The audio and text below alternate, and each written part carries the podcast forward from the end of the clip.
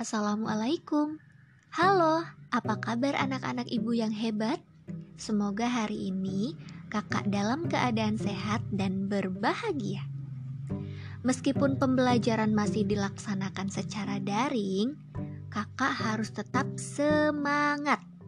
Ingat, sebuah hadis yang berbunyi Tolabul ilmi fariyadotun ala kulli muslim yang artinya menuntut ilmu itu wajib atas setiap muslim.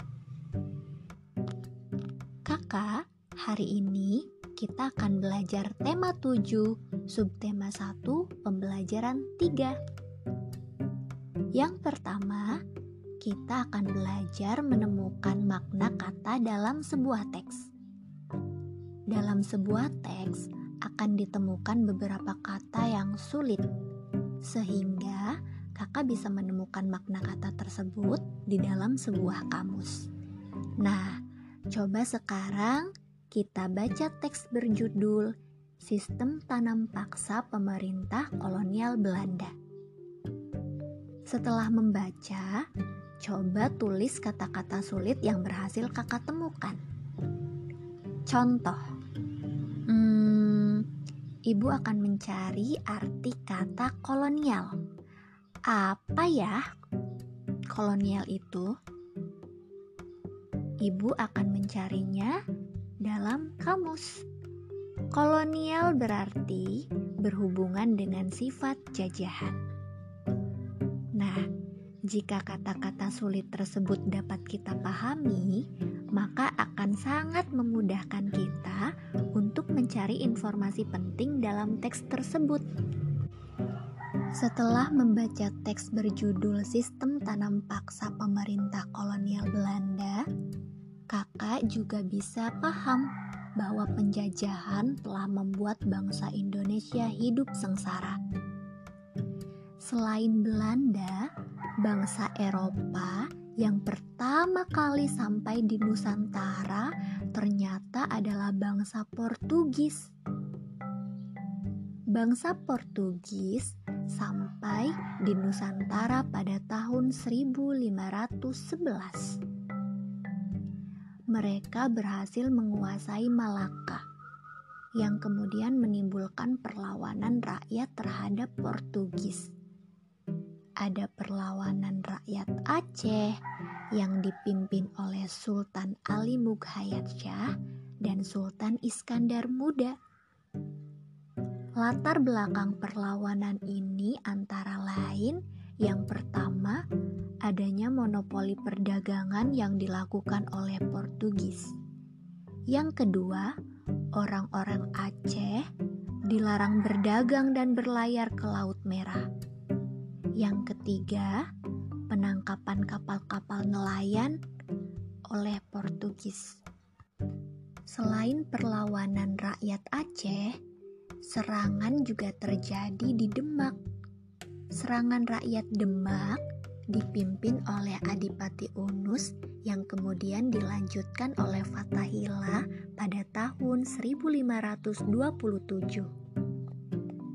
Akibat perlawanan tersebut, Portugis harus meninggalkan Sunda Kelapa yang berganti nama menjadi Jayakarta.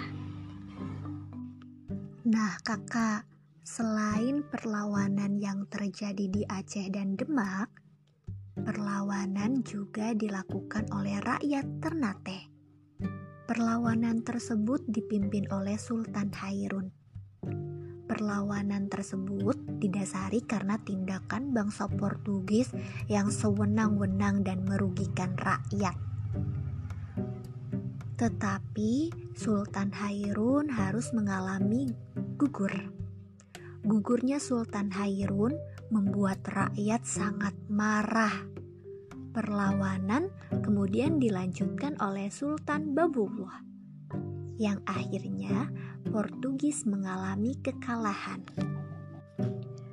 Kakak, ternyata begitu besar perjuangan yang telah dilakukan oleh bangsa Indonesia untuk melawan penjajah. Kita sebagai generasi penerus bangsa, tidak boleh melupakan perjuangan tersebut. Maka rajin-rajinlah belajar agar kelak kakak bisa menjadi orang yang berguna bagi nusa dan bangsa. Sekian pembelajaran hari ini dari Bu Ari. Semoga kakak bisa paham dan pembelajaran hari ini bisa bermanfaat serta diberkahi oleh Allah. Amin. Tetap semangat belajar di rumah, tetap semangat uh, jaga kesehatan dan jangan lupa sempatkan untuk membantu orang tua. Ibu akhiri, wassalamualaikum warahmatullahi wabarakatuh.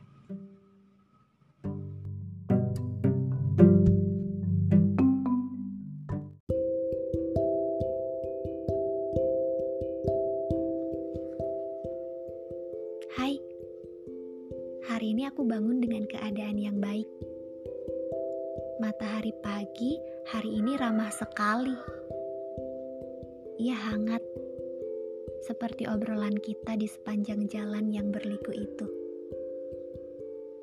Ternyata seperti itu namanya jatuh cinta.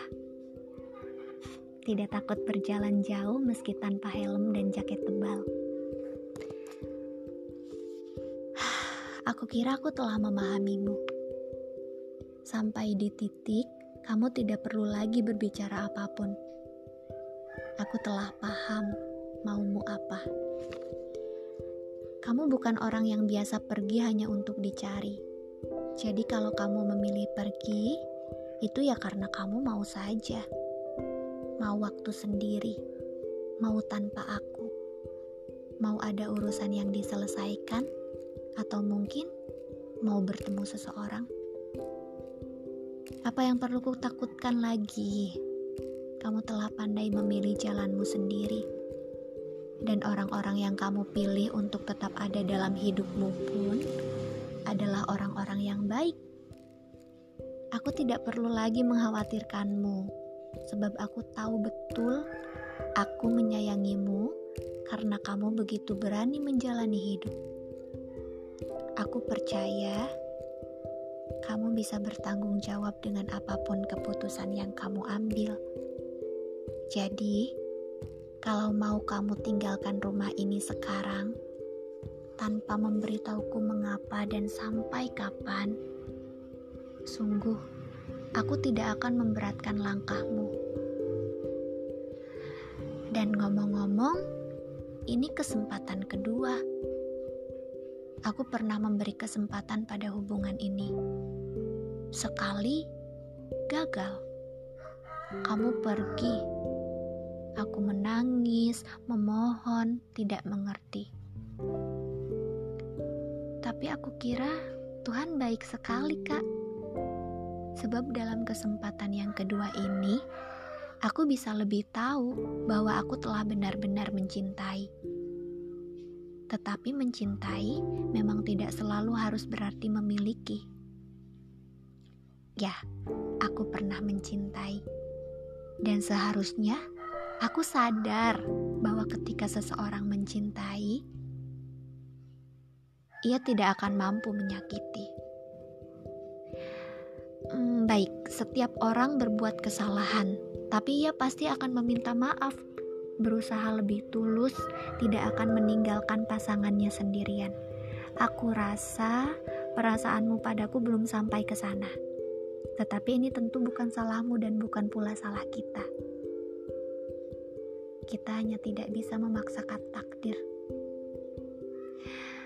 Ah, ya ampun, aku tidak mau menangis lagi. Sebab aku tahu kita telah selesai berupaya. Aku tahu aku tidak perlu lagi bilang I love you terlalu banyak karena kamu sudah melihatnya.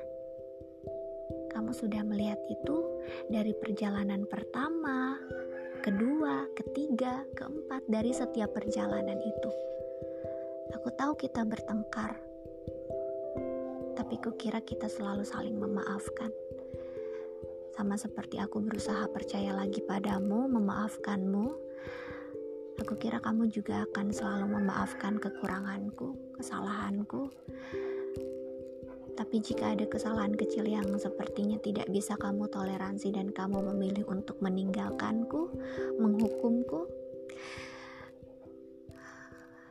aku tidak bisa memohon terus-terusan dan membebani langkahmu.